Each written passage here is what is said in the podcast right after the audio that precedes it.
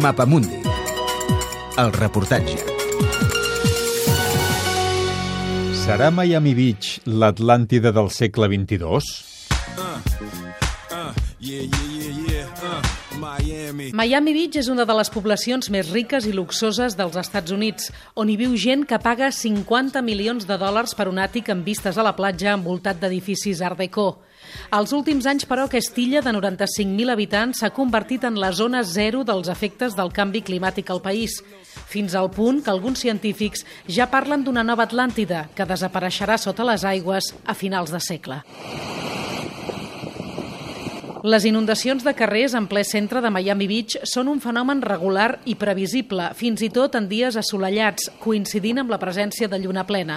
Això és perquè el nivell del mar creix cada any a un ritme de 2 centímetres i mig, en una població on l'elevació mitjana dels carrers no arriba als 2 metres. Hal Wandless és el cap del Departament de Geologia de la Universitat de Miami. Si seguim cremant combustibles fòssils, això anirà més i més creixent i creixent, no només Miami Miami Beach, tot el comtat de Miami-Dade, inclòs també l'aeroport, només un 3% del territori està més de 3 metres i mig al nivell del mar. No són tan sols les illes de la barrera les que tindran problemes.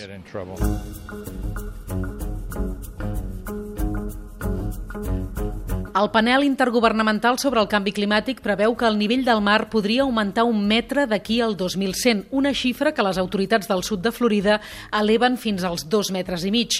Els geòlegs observen, però, que històricament un cop arrenca una pujada de les aigües, el procés tendeix a accelerar-se.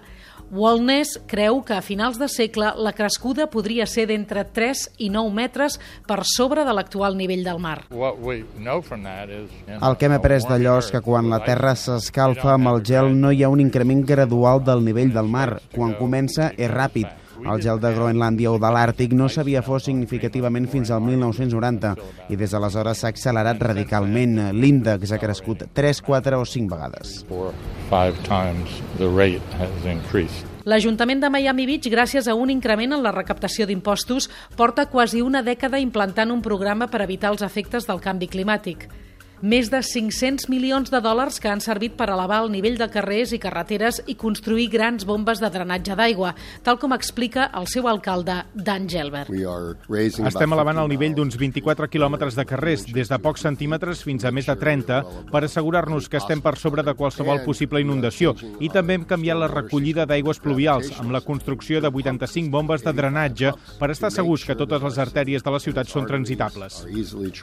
Fins ara s'han instal·lat 80 45 bombes als punts més baixos de la ciutat que xuclen l'aigua que des del clavegaram inunda els carrers i la llencen a la badia viscaïna.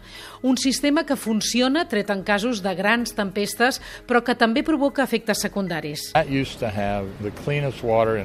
Aquí hi havia l'aigua més neta de tota la badia viscaïna amb un increïble llit d'algues marines valuós per l'ecosistema i els seus microorganismes. Des que han començat a bombejar aigua tot allò és mort. El preu de drenar l'aigua per beneficiar beneficiar una petita part de Miami Beach ha estat una catàstrofe total per la major part de la nostra badia. Ara bé, té sentit una inversió multimilionària per adreçar un problema que anirà cada cop a més? Si em preguntes si funcionarà, crec que la resposta és que sí. La bona notícia és que els carrers canvien cada 20 o 30 anys.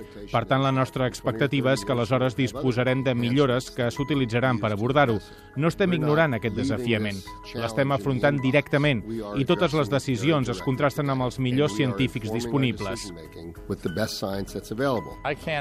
No crec que dedicar més de 5 500 milions de dòlars per arreglar una àrea tan petita sigui una decisió econòmicament encertada. Acabarem marxant i quan això passi no hi haurà remei possible. Tot serà engolit a un ritme accelerat de 30 centímetres per dècada. Això és el que passarà amb el desglàs.